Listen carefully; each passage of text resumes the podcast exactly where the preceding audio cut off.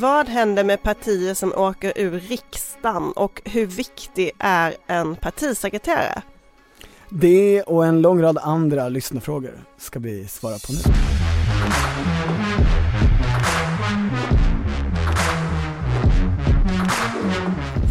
Det här är Politiken med Annie Reuterskiöld, Maggie Strandberg och Torbjörn Nilsson. Det här är ett förproducerat avsnitt av Politiken Mm. eftersom det är sportlov och vi är lediga. Ja. Och Annie skriver ju fortfarande bok. Ja, men nästa vecka kommer vi vara tillbaka allihopa med ett vanligt avsnitt. Men fram tills dess så tänkte vi svara på lite olika lyssnarfrågor som vi har fått in. Och den första är ju en sportlovsfråga. Vilka politiker har åkt Vasaloppet? Vem var bäst och gjorde någon det under ett valår? Det är en jättesvår fråga. Eh, Den är ju inte sportlovsrelaterad heller, Vasaloppet Nej. ligger ju senare, men, Men- det är vintersport i alla fall. Mm. Det, det enda jag har, har lyckats hitta på det här, för då har jag ändå ansträngt mig lite och försökt, det är att 2019, som ju inte var ett valår, Mm. så åkte Thomas Bodström, han var ju då ex-minister, socialdemokrat, eh, och också Alice Bah Kuhnke, miljöpartisten. Mhm. Har inga tider, inga mellantider, inga uppgifter om brutna resultat eller vad de drack, hur mycket ärt- eh, blåbärssoppa de fick i sig. Jag vet att Håkan Svenneling i Vänsterpartiets riksdagsgrupp och eh, Rickard Nordin, Centerpartisten, de tränar just nu för Vasaloppet. Alltså, Men, under eh, valåret. Mm, eh, möjligen att det var någon av dem som ställde den här frågan, det har jag inte kollat för att eh, de eh, tycker att vi, Men de kanske vill att att, vi ska uppmärksamma detta. det, Men det är lätt att tänka sig många politiker som har åkt. Ingvar Carlsson till exempel, han måste ju ha åkt Vasaloppet. mm, Carl Bildt däremot, han kan aldrig ha åkt Vasaloppet, det kan man inte, är detta, man kan din, inte föreställa sig det. är detta Det- din känsla eller är detta, Nej, har det, du är- reda är på detta? inte kvalificerade gissningar som det Ja. brukar heta. I vilket fall så kan man säga om Vasaloppet att det har ju faktiskt skapats mer eller mindre av en politiker. Anders Pers som var liberal riksdagsledamot, eh, han skrev en artikel i Västmanlands Läns Tidning 1922 som enligt den offic- officiella historiken kring Vasaloppet var orsaken till att det överhuvudtaget påbörjades. Jag förstår. Okej, vidare till en annan fråga. Eh, en eh, statssekreterare på socialdepartementet som jobbar åt Lena Hallengren, Ja, alltså Tobias Lundin Gärdås, de är ju bara två, alltså lika bara säga. absolut. Han frågade helt öppet så jag antar att han inte vill vara anonym. Hur ser transfermarknaden ut för politiska journalister? Ännu fler övergångar att vänta? Frågetecken. Jag skulle säga att transferfönstret är stängt inför valåret. Det, nu kommer inte någon att byta jobb. Nej, det är ovanligt. Det är ju den här lilla, lilla gruppen, eller ganska lilla i alla fall, gruppen som journalister som sysslar med bevakning av riksdag på heltid. Är, där är det ju annars så att slutar en på ett jobb så måste den fyllas av någon annan i gruppen och så går alla runt sådär som Ja men och det har ju precis hänt att alla har bytt jobb med varandra. Det tänkte Ja. jag på när Gösta Brunander kom tillbaka och började jobba för Magdalena Andersson. Han var ju tidigare pressekreterare åt Stefan Löfven. Men har varit borta ett tag och när han kom tillbaka så hade alla i pressrummet bytt jobb. Och de måste ju hålla koll på både vad folk heter, vilken tidning de jobbar på. Så det var jobbigt för honom. Men nästa fråga, kan du inte dra den? Hur går det med Åstrandutredningen och har Moderaterna en ny inriktning eller konkretare stadga i sin skolpolitik? Ja men det här är ju en intressant fråga. För idag när vi spelar in den här podden så är det torsdag den 10 februari och Magdalena Andersson har precis haft en pressträff där hon säger att eh, man vill gå fram med ett förslag om differentierad skolpeng där friskolorna ska få mindre pengar än de kommunala. Åstrandutredningen var ju den stora skolpolitiska utredningen som kom för något år sedan. Och Om jämlikhet. ja, och under tiden som den arbetade och under tiden som har gått sedan dess så har ju det rört på sig i många partier. Särskilt flera av de borgerliga. Men det här är ju det första förslaget och regeringen har också aviserat att det kommer komma förslag även kring kötider som också fanns med i den här utredningen. Men det har man inte sett än. Det här är en lagrådsremiss som presenterades idag. Men den viktiga frågan här är väl Moderaterna. Har de en ny inriktning eller konkreta, konkretare stadga? De har ju sparkat sin skolpolitiska talesperson, Kristina Axén Olin. Ja, hon var ju besviken uttryckte hon på Facebook över detta. Vad ville de med den här, med deras transfer eller ombyte av roller? Nej men eh, det intressanta är väl så här, eh, det, Socialdemokraterna riktar ju tydligt in sig på den här frågan. Den är stor i medierna, eh, Dagens Nyheters ledarsida skriver väldigt mycket om den. Och i den här liksom, pågående debatten så har ju eh, människor uttryckt att Kristina Axén Olin var ett svagt kort i debatten och att hon är väldigt friskolevänlig, har liksom nära relationer till Friskolornas riksförbund Eh, vilket väl inte i sig behöver vara dåligt eftersom Moderaterna för en friskolevänlig politik, men det är i alla fall så det har låtit i debatten. Eh, det lite intressanta är ju att den som de tillsatte istället, Lars Hjälmered, han ska ju inte kandidera till riksdagen i höst, så man ser väl inte detta som särskilt långsiktigt i alla fall. Nej. Um, men när man pratar med moderater om just skolfrågan, för jag har själv reagerat på att jag tycker att Ulf Kristersson låter i debatten eh, lite som eh, borgerliga politiker gjorde innan den här debatten kom till, innan ungdomsförbunden var ute och började prata om skolorna och ville se förändring. Um, Moderaterna har ju själva gjort flera utredningar av detta, både under Anna Kinberg Batras tid och när, när Peter Norman ledde en när de satt i regering fortfarande. Ja, då hade de en arbetsgrupp och skrev en berömd debattartikel, ja. Kinberg Batra och Norman, där man liksom började ifrågasätta och kritisera. Ja, man ville, tyckte att systemet behövde reformeras och ses ja. över, att det fanns problem. Ehm, så låter ju inte Moderaterna nu, även om de tog ju faktiskt på sin kongress, förlåt, sin stämma i höstas lite skolpolitik som ändå gick i den riktningen, alltså skärpta kvalitetskrav och sådär, så låter de inte så i debatten. Och när man frågar moderater, vad, hur tänker ni kring det här när Socialdemokraterna uppenbart ser detta som en fråga, då svarar de att när de kan inte se i sina mätningar att det här är en viktig fråga för deras väljare. Alltså deras väljare är inte intresserade av friskolefrågan. Även om de kanske är skeptiska till vinster i välfärden så är det inte en viktig fråga för dem när de går till val. Det är det däremot för Socialdemokraters väljare och en jätteviktig mobiliseringsfråga för Socialdemokrater. Så man kan sammanfatta det med att Så beskriver Moderater det. Åstrandutredningen håller på att bli propositioner som i själva verket är eh, olika typer av valaffischer för Socialdemokraterna och Moderaterna vill inte prata om den här frågan överhuvudtaget före valdagen, helst. Det finns också ett resonemang i Moderaterna att det är bra att Liberalerna får ta den här frågan på den borgerliga kanten. Att det är bra att de har en fråga som kan hålla dem över spärren. Det där säger de bara för att låta snälla mot Nyamko Sabuni. Men du Torbjörn, en helt annan fråga. Vilken var Tage Erlanders starkaste respektive svagaste kampanj? Det är en folkpartist som har ställt den här frågan. Det etablerade svaret är ju att 1968 var den absolut bästa mm. valrörelsen. Mm. Det var ju den sista, eh, över 50 procent och sådär. Och den föregående, 1966, var den sämsta. Det var den när han satt med de tre orna i tv och fick den här jobbiga frågan om, om vad man skulle ge för råd till ett ungt par som söker bostad. Just det, men var det val vartannat år på 60-talet? Alltså det var ju val till både första och andra kammaren och det var inte sammanslagna valdagar mellan riksdag och eh, kommunval. Okej, men om det är det traditionella svaret, varför är det fel? Vilket är ditt svar? Jag tycker ju att det riktigt framgångsrika valet var extravalet 1958 det som handlade om eh, ATP, pensionerna. För då utraderade han ju i princip, eller han och Socialdemokraterna, eh, Bertil Ohlin och, den, eh, och Folkpartiet som var det stora oppositionspartiet. Det, där gav han dödsstöten till dem och sen så liksom försökte Ohlin i tio år till men lyckades aldrig med någonting. Det sämsta valet som Tage Erlander gjorde som partiledare skulle jag säga var det första 1948. Och så brukar särskilt inte socialdemokrater beskriva det. Han var ju helt ny och grön partiledare, ingen trodde på honom och den borgerliga pressen och de borgerliga partierna attackerade honom extremt hårt. Och sen klarade de precis av att behålla makten och därför var det en stor framgång. Men i det valet så förlorade Socialdemokraterna också ganska mycket handlingsutrymme, alltså idémässigt utrymme efter kriget som det här var precis så skulle de ju göra massa stora saker med samhället. Och väldigt mycket av det sjönk ändå ihop och blev någonting annat på grund av den här eh, massiva motkampanjen i valet 48. Ska du ta nästa fråga? Jag kan göra. Vi har fått en fråga från en militär historiskt intresserad moderat. Det är så hen beskriver sig.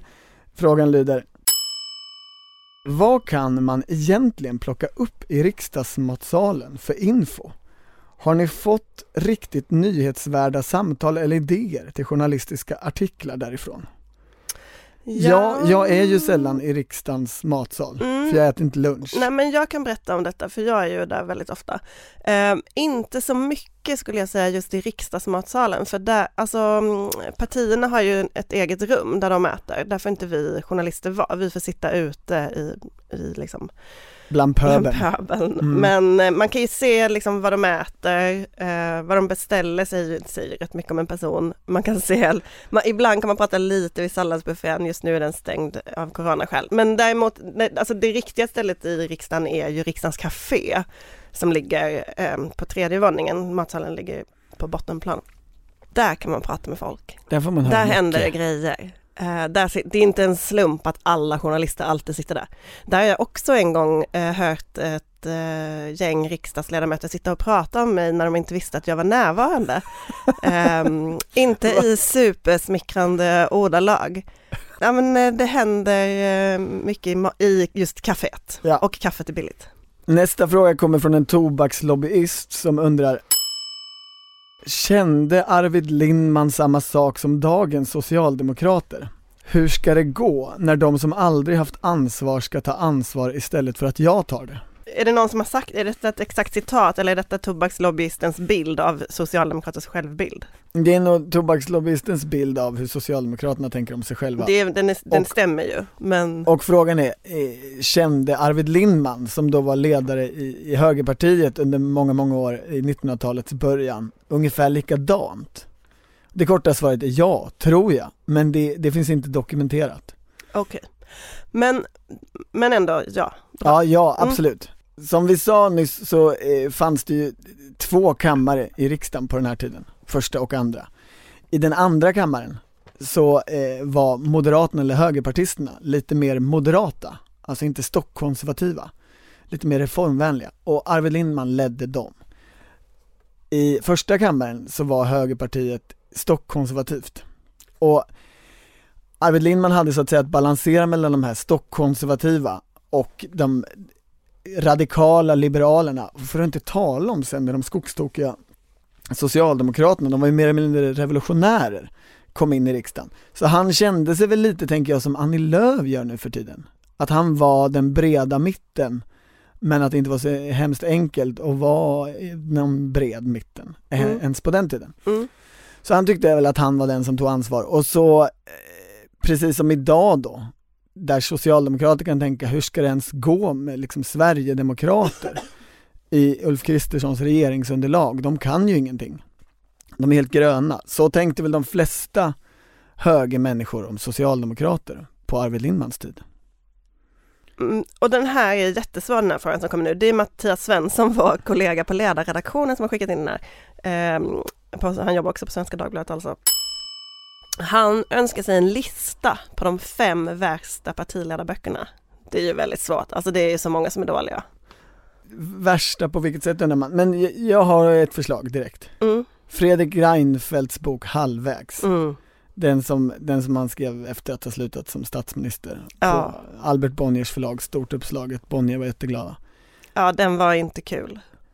Nej den var rätt tråkig, plus att han gjorde sig ovän med nästan alla i partiet. Alltså det var inte så många som eh, uppskattade honom i, i partiet ändå, redan då kanske, men de som var hans, han nämnde nästan inga vid namn och sånt. Han nämnde ju Roberta Alenius som en mycket kompetent eh, person, alltså presschefen som han sen gifte sig med, eller fick Ja. barn med i alla fall. Det var väl, det var väl trevligt att han nämnde henne. Men det var typ också den enda från Nya Moderaterna-tiden. Det här, det här gnälldes det otroligt om när den boken kom. Men den är också i sig själv kanske inte liksom det mest, alltså det finns andra mer spännande böcker som Fredrik Reinfeldt har skrivit. Men jag tänker också på um, Åsa Romsons bok, alltså hon fick ju sluta på ett väldigt dramatiskt sätt och man var ju väldigt nyfiken på att läsa hennes biografi och hur var egentligen relationen till Gustaf Fridolin och sådär. Men hennes bok var liksom en lång beskrivning av olika sakpolitiska saker hon hade ägnat sig åt. Med, där hon väldigt noga då till skillnad från Fredrik Reinfeldt nämnde varenda tjänsteman som hade kommit, var liksom, varit med och bidragit. Och sen på slutet så fanns det liksom ett litet appendix på 15 sidor där hon berättade om hur hon blev avsatt och sparkat. Heter det appendix? Jag ser att producenten som har jobbat på förlag jätteskeptisk ut. Men, um, um, ja, men det var så kul för det var ju bara det man ville läsa.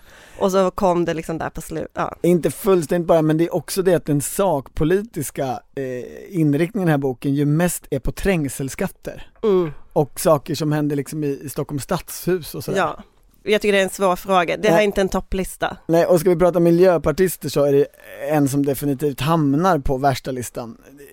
Birger Schlaugs bok Svarta oliver och gröna drömmar. Med de väldigt detaljerade sexskildringarna. Ja, den är ju värre ja, den är, än Åsa Romsons Den bok. är speciell. Så det får man säga. På den här listan tycker jag också att Maud Olofssons Jag är den jag är måste in. Det, det är sorgligt för den har så bra materia. Alliansens eh, moder ska, ska tala ut och beskriva hur det gick till. Men det finns noll distans i den boken. Mm. Eh, eventuellt finns det liksom någon promille distans, vilket är kanske lite mer än det gör i, i de böcker Annie Lööf har skrivit om sig själv. Eh, Så eh, också i, i den så att säga interna centerpartistiska konkurrensen går det att diskutera vem som är, har, har minst distans. Men Maud Olofssons bok blev jag nog mer besviken på. Mm.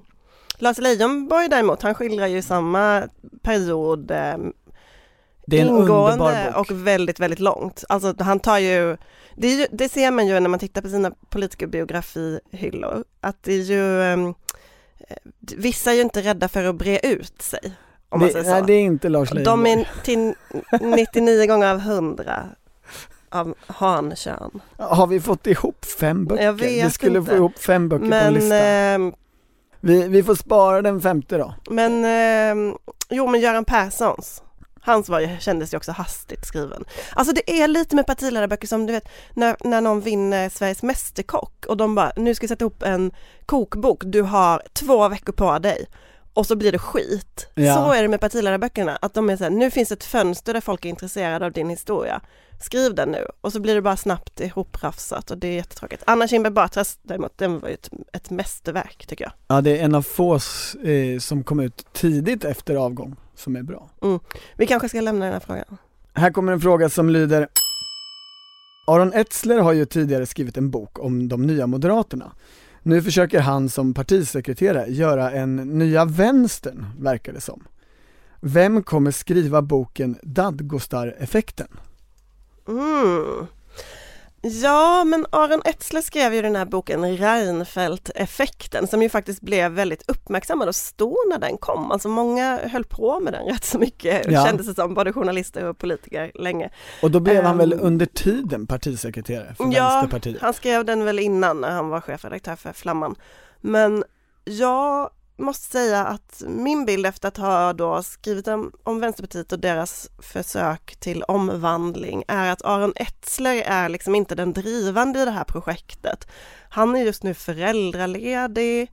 Ehm, Det känns som att, alltså på Jonas Sjöstedts tid var det ju ganska tydligt att Jonas och Aron ledde partiet. Nu är det Nooshi och Ida leder partiet och Aron Etzler är inte, det är inte Han är inte med längre, för att uttrycka det rakt han är väl med på något sätt men det är liksom inte han som sitter och skriver de här strategierna. Det är Ida Gabrielsson. Eh, absolut min känsla, man känner igen hennes språk efter ett tag. Eh, däremot inte, liksom därmed inte sagt att eh, Aron Essler är emot det som sker på något sätt. Men jag vill bara säga att jag har sett många som har varit så här, ja det är ju klart att det är Aron som ligger bakom det här eftersom han skrev den där boken. Men det är inte min bild. Eh, men om nu då eh, Vänsterpartiet framgångsrikt ska göra den här omvandlingen och någon måste skriva en bok om Noshida-effekten. Det är ju väldigt ovanligt med folk som skriver böcker om andra partiers strategi sådär ingående som Ja. Aron Etzler gjorde. Kanske någon centerpartist då? I sådana fall är det ju Martin Ådahl. Ja. Det skulle ju vara läsvärt i alla fall. Det är ju alltid roligt när man gör de här frågepoddarna. Jag har gjort det i lite andra forum i olika eh, poddar jag haft, att man märker att det är alltid folk som vill ge sin egen, de vill inte så mycket ställa en fråga som liksom eh, styra samtalet åt ett visst håll. Och Spinn. eh, spinn kallar vi det ibland och en folkpartist, eller förlåt en liberalpartist som inte står på Nyamko Sabunis sida eh, har hört av sig och frågat om Sabuni är den enda partiledaren som konsekvent går emot landsmötesbeslut i extremt känsliga frågor för partiet i ett extremt dåligt läge inför ett val inom kort med sensationellt lågt stöd. Ehm, ja, ska man säga ja?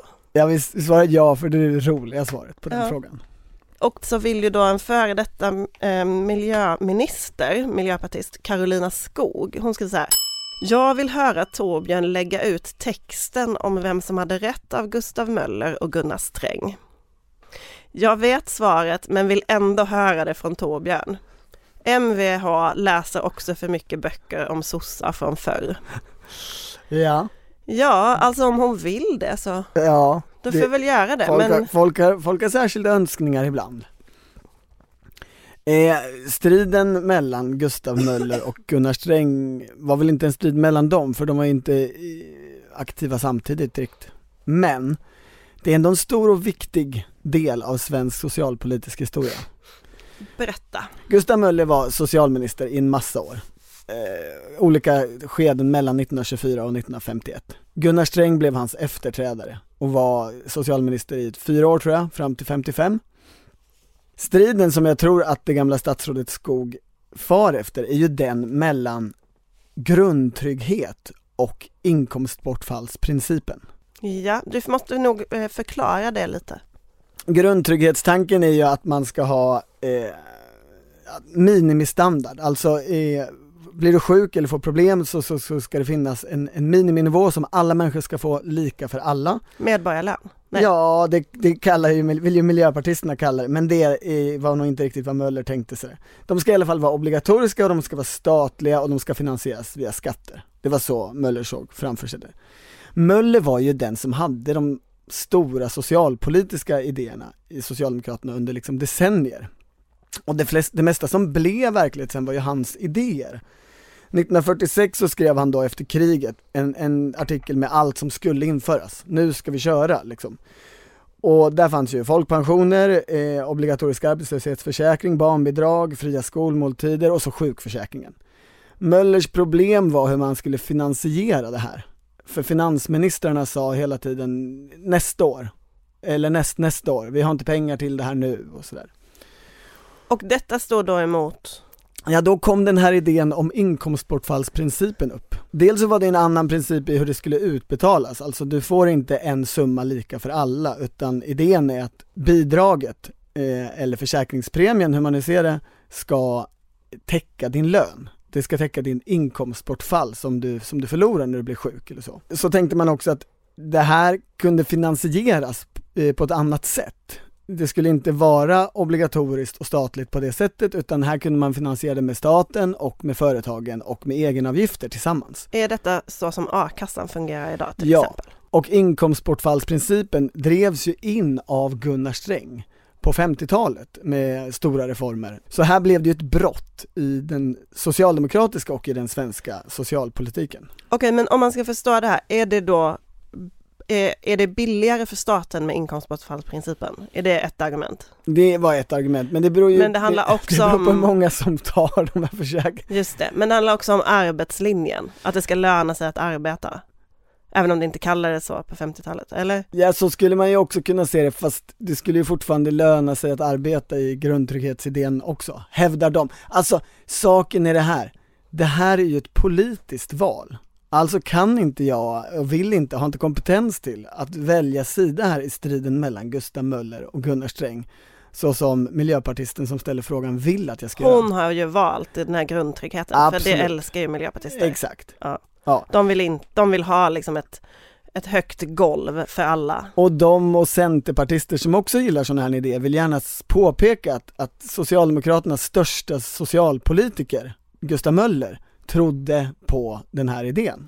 Gustav Möller står ju staty inne på Ardalan Shekarabis kontor, socialförsäkringsministern. Det har jag sett när jag varit där. Det går ju däremot att ta ställning mellan Möller och Sträng i frågan om vem som är det bästa eh, underlaget för en, för en tre timmars lång film. Mhm. För där är ju kampen jättejämn. Sträng är ju, var ju en politiker som, men han har en fantastisk barndomshistoria, bara elände, vägglös, fattigdom, cykla runt och bilda fackföreningar och blir sen eh, finansminister i åratal, har bara roliga spydiga kommentarer till alla och bor i ett stenhus i Gamla stan. Han är ju också avbildad i den här lilla mm, alltså keramikgubben Ja, som många har. den tjocka. Ja. Alltså det är en bra story, men Gustav Möllers historia är ännu mycket bättre. Eh, Samma grundgrej. Alltså, Vägglöss och... ja, fruktansvärt armod, värre armod. Gustav Möllers pappa dog när han var tre månader gammal. Hans mamma var statabarn, bodde inne i Malmö, hade inget jobb. Eh, jobbade på någon industri men där man var tvungen att jobba på söndagar och hon var ju frireligiös. Som, som alla eh, ledande socialdemokraters föräldrar på den tiden. Och därför så kunde hon inte jobba där. Det, var, det, det funkade inte. Så hon drog sig liksom fram på att väva trasmattor och koka knäck som hon sålde på torget och eh, bykning, tvätta åt folk och sådär.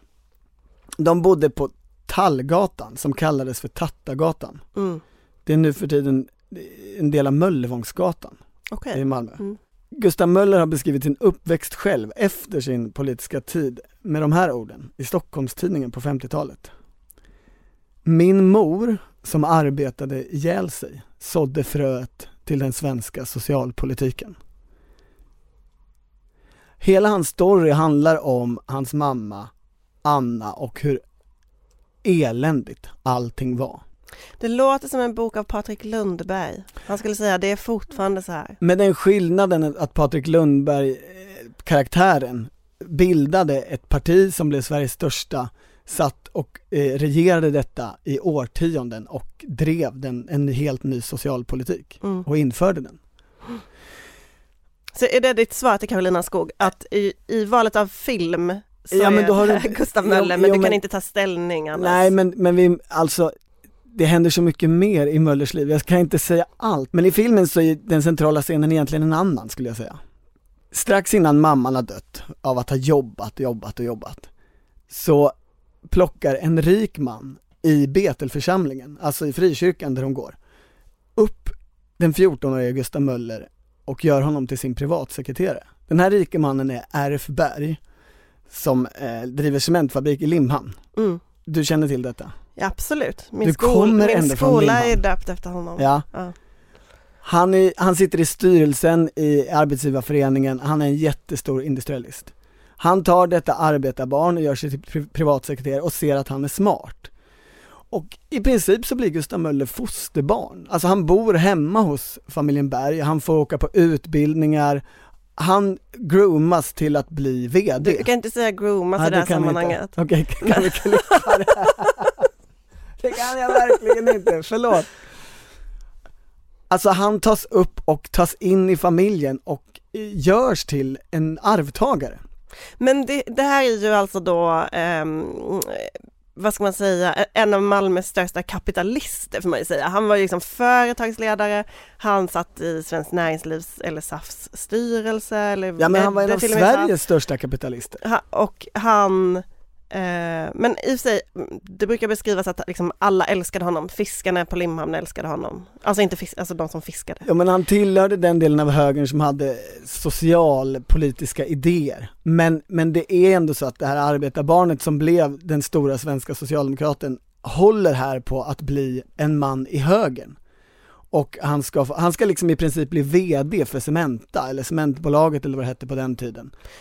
Jag vet en, är du klar eller vill du säga något mer? Ja, för sen Ja. ju det riktiga brottet. För in på scenen, när, när fattigbarnet får vara med rikemansfamiljen och få utbildning och få hänga på fina middagar och lär sig vilka bestick man ska använda rätt. Då dyker en, en kille upp som heter Per Albin. Som är typ lika gammal som Gustav Möller och har samma bakgrund med sin mamma som, är, som har slitit. Och sen blir de två bästa kompisar. Och så är det här triangeldramat mellan Per Albin, RF Berg och Gustav Möller. Och vem ska vinna Gustav Möllers gunst? Där svänger Sverige till Socialdemokraternas fördel. Där etableras hela maktinnehavet under 1900-talet. Allt i Limhamns Du hör ju att det är filmmaterial. Nej men ja, absolut, och jag vet en som kommer se den här filmen eh, i alla fall och det är ju Ulf Kristersson, Moderaternas partiledare. För det var ju det här ni stod och pratade om eh, på moderatstämman eh, sent på lördagskvällen i baren eh, när alla andra till slut gick för att de var så uttråkade. Och ni stod liksom i timmar och Om- pratade om Gustav Möller. Om Ulf Kristersson förlorar valet i höst och därmed blir sparkad som partiledare, då tror jag att hans första grej han kommer göra är att eh, gå in som självutnämnd producent för den här filmen och åka runt och jaga kapital. Karolina Skog ska ju också lämna riksdagen så hon kanske kan eh, vara med. Absolut. Okej, en annan eh, liberal person som jobbar på Timbro, Caspian Rebinder. Säger man så? Det tror jag. Han eh, undrar hur viktig en partisekreterare egentligen är. Det är ju en väldigt svår fråga. Det är lite så här hur långt det är ett snöre fråga. För det beror ju väldigt mycket på både vilket parti det är och vilken person det är. Ja, och vilken partiledare det är och vad en partisekreterares konkreta uppgifter är. För en partisekreterares uppgifter kan ju vara att vara någon slags administratör eh, och bara Om- verka internt med ekonomin och att alla mår bra Alltså det kan ju vara mycket så här bygga rörelse i landet kan de ju ägna sig åt i vissa partier. Ja. Resa runt och prata med folk. Och sen finns det ju de som är liksom viktiga vallokomotiv. Det kan Som också vem vara en roll. När, när Mona Sahlin blev partisekreterare eh, åt Ingvar Carlsson så var ju det ut, i, i 90, på 90-talet, då var ju det uttalat för att hon skulle vara vallokomotiv. Sen är det ju ofta partisekreterarens roll att eh, ta skiten och hantera den. Ja, Eh, jag tänker på när, eh, alltså Hanif Bali beskriver ju i sin bok att när de ville att han skulle lämna partiet för att eh, den, den här anklagelsen om olämpligt beteende Mm. mot minderåriga i partiet hade kommit, den som han sen, det, förundersökningen lades ner sen. Eh, då beskriver han ju hur Gunnar Strömmer åker hem till honom för att övertyga honom om det, alltså Moderaternas partisekreterare. Ja. Och det, det är ju nästan alltid partisekreteraren som ska skälla på folk ute i landet som inte liksom håller sig till partilinjen eller som gör något det är en dumt. väldigt fin scen där man ser den snälla Gunnar Strömmer komma hem till Hanif Bali och så säger Gunnar Du förstår ju att det bästa vore om du avgick idag. mm, Och så säger Hanif Bali, nej. Och så säger Gunnar Strömmer, okej. Mm.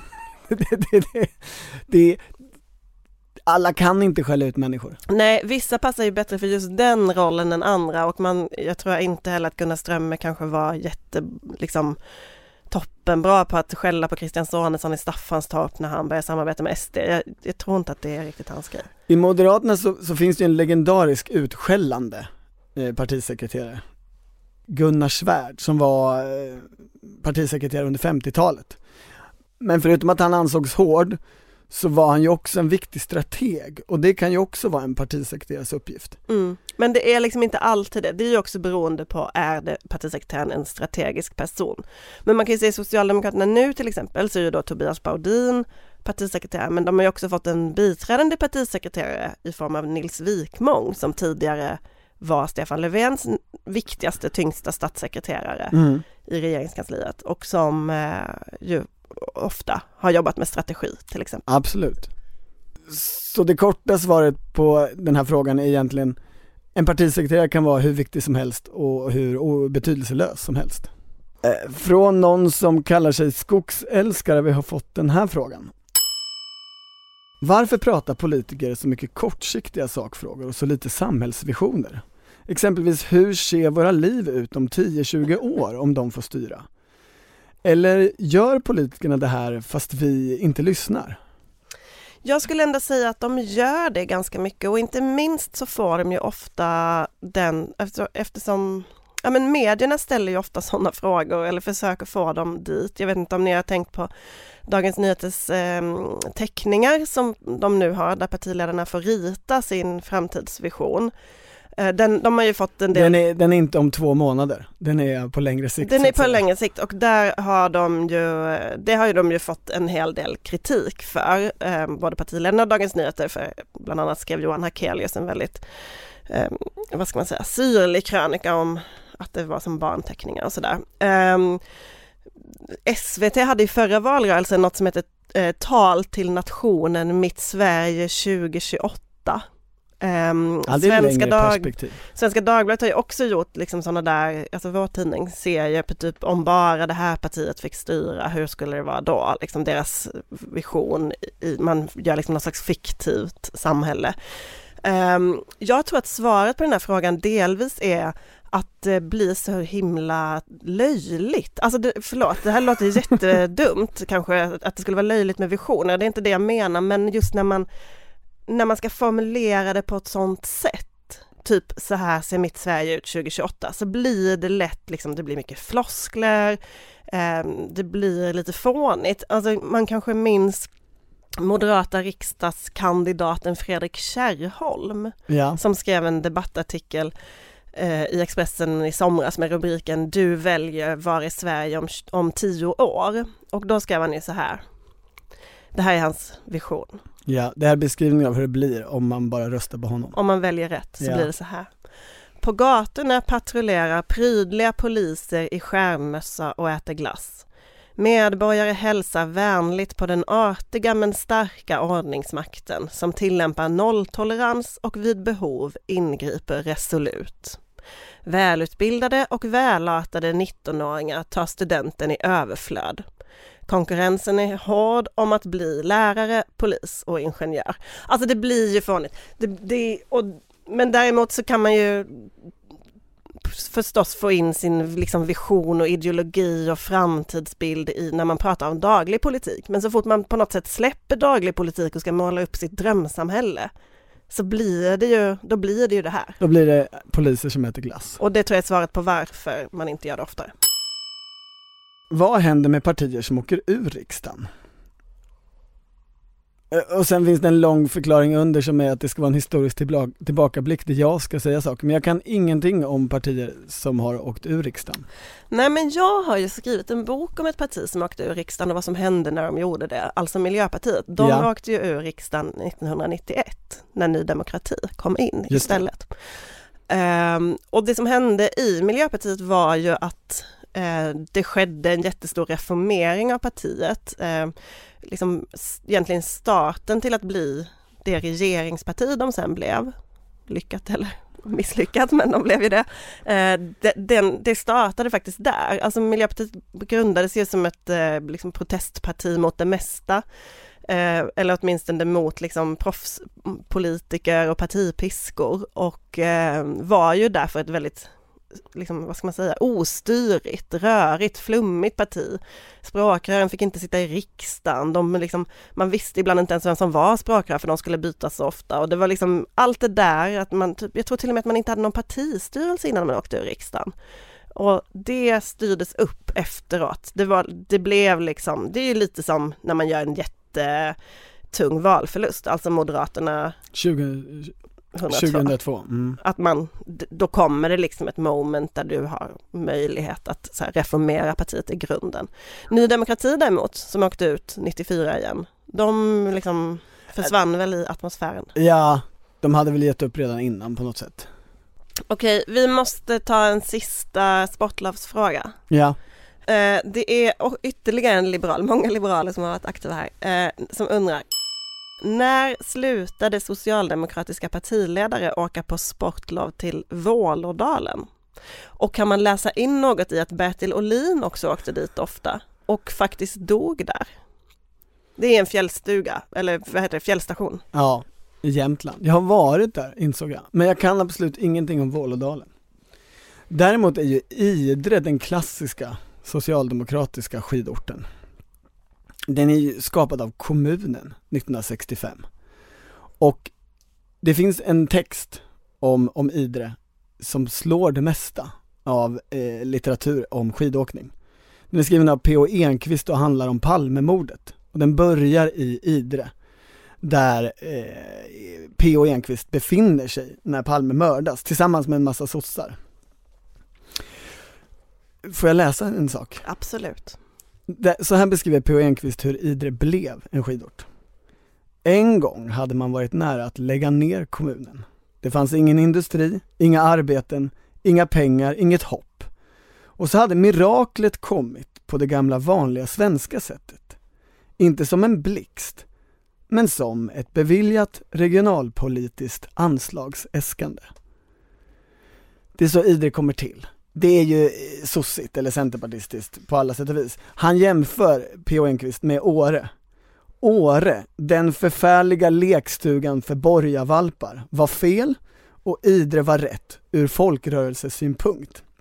Det var den allmänna uppfattningen i rörelsen. Det ideologiska slutmålet var här uppnått på sitt sätt. Alltså, det, Idre, denna, denna skidort är socialdemokrati. Ja men jag förstår Ja. och det är ju alltså eh, härligare i Åre fortfarande än i Idre, eller? Alltså det är ju, Du vill vara en borgarvalp? nej men alltså det, är- ja, det är ju skillnad på dessa, alltså båda är trevliga men eh, Men jag fattar vad han menar. Ja. Alltså nu, förlåt, nu lät det som att jag tog politisk ställning. Jag menar bara att jag, det, alltså det ena är lite lyxigare, det andra är lite mer Folkets hus. Så kan man säga. Det, och det är nog det Enqvist far efter också. Jag ska bara avsluta den här podden med att läsa eh, hans skildring av vad som händer den där natten i, i, i skidorten, den socialdemokratiska skidorten Idre, när Olof Palme blir mördad i Stockholm. Vi hade åkt skidor i Idre och det var fint. På fredag kväll kom Sten Andersson, då utrikesminister. Vi växlade några ord och kom överens om en svart pist någon gång under morgondagen. Det var som sagt en mycket socialdemokratisk miljö och de ministrar som hade stora familjer brukade åka hit och alltså njutning utan skam. Här sticker jag in. Njutning utan skam, det är hans sammanfattning av hur en skidort med eh, PK-rörelsestämpel var. Man njöt eh, men man, och man kunde njuta utan skam. Till skillnad från Åre då. Nu fortsätter PO. På natten vaknade jag och hörde en helikopter men förstod inte vem den hämtade. Klockan sex gick jag upp och slog på TVn. Allt det här hände i Idre. Jag minns det väl, inget konstigt i det. Efteråt vet ju alla svenskar var de befann sig och vad de gjorde när Palme mördades. Det var som när Kennedy mördades. Jag och Låne och Annika och Anders var i Idre, brukar jag säga. Och den som vill veta något om Vålådalen och Bertil Ohlin får lyssna på en annan podd. Ja. För nu är det slut för den här veckan. Eh, vi ska ju till Åre. Som borgarvalparna. Eh, men eh, tillbaka nästa vecka och då är Annie Reuterskiöld också med.